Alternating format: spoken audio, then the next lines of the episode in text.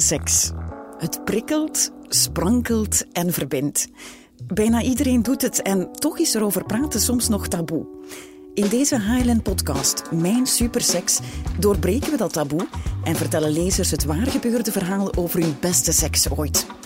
Onze journaliste, Roxanne Welles, noteerde hun ervaringen en kreeg toestemming van de vertellers om hun verhaal ook te laten inlezen door onze stemmen.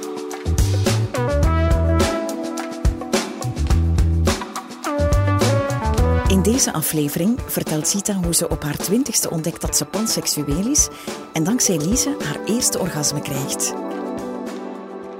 Vroeger vroeg ik me af of ik biseksueel was. Toen ik op mijn vijftiende mijn eerste vriendin had, dacht ik dat het een experimentele fase was. Zeker toen ik daarna uitsluitend nog met jongens kuste. Maar zo'n twee jaar geleden ontmoette ik Lise. Ik was toen 18. Er was meteen een klik. Ze was nieuw in mijn korfbalploeg en we kregen een sterke band op heel korte tijd. We spraken af, gingen samen naar fuiven, zo die dingen. Op een gegeven moment vertelde Lise dat ze op meisjes viel. Ik had niet meteen door wat ze daarmee wilde zeggen. Ik vind je echt leuk, Sita, verduidelijkte ze. Toen ze dat zei, kwam er iets in mij los. Vanaf dat moment genoot ik extra hard van de aandacht die ik van haar kreeg. Ik vond het heerlijk dat ze verliefd was op mij. Een tijdje later gingen we op eerste date die eindigde in een kus. Een vreselijke kus. De dag erop heb ik haar laten weten dat het toch niet zou worden. Ik voelde de fysieke aantrekking gewoon niet. En toch kreeg ik haar niet uit mijn hoofd. Het zette me aan het denken, was het dan toch geen fase? Niet lang na mijn kus met Lise kuste ik opnieuw een jongen. Ik voelde me daar meteen schuldig over. Tijdens die kus kon ik ook alleen maar aan haar denken. Het begon me langzaam te dagen. Ook bij mannen was die fysieke seksuele aantrekking niet wat mij naar hen toetrok. Zelfs al was het maar gewoon om plezier te maken. Dan nog wilde ik die persoon eerst leren kennen. Iemand zomaar binnen doen? nee. Het is het karakter dat me aanspreekt. Dus zou het kunnen dat fysieke aantrekking tussen twee mensen mij gewoon niet zo boeit? Dat ik echt gewoon val op een persoonlijkheid? Lise en ik hadden voor onze kus plannen gemaakt om een tripje te maken naar Duitsland. Hoewel ze boos op mij was, besloten we toch op reis te gaan.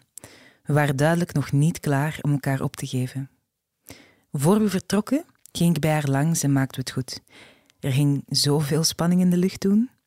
In Duitsland is het dan toch gebeurd. De eerste dag hebben we ons ontzettend geamuseerd. De tweede dag was er een kus. Zij kuste mij deze keer. Eerst wees ik haar af met de woorden: Ik ga je alleen maar opnieuw kwetsen. Ze keek mij uitdagend aan. Dat doe je niet, zei ze.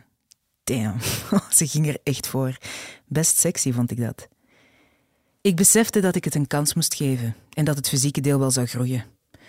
Daardoor heb ik besloten dat ik panseksueel ben en in de eerste plaats val op karakter in plaats van gender. Niet hetero, bi of gay dus, maar een pannetje. Onze superseks vond niet lang na Duitsland plaats. Een paar dagen voor we het officieel maakten, lagen we samen in bed. Zij op mij.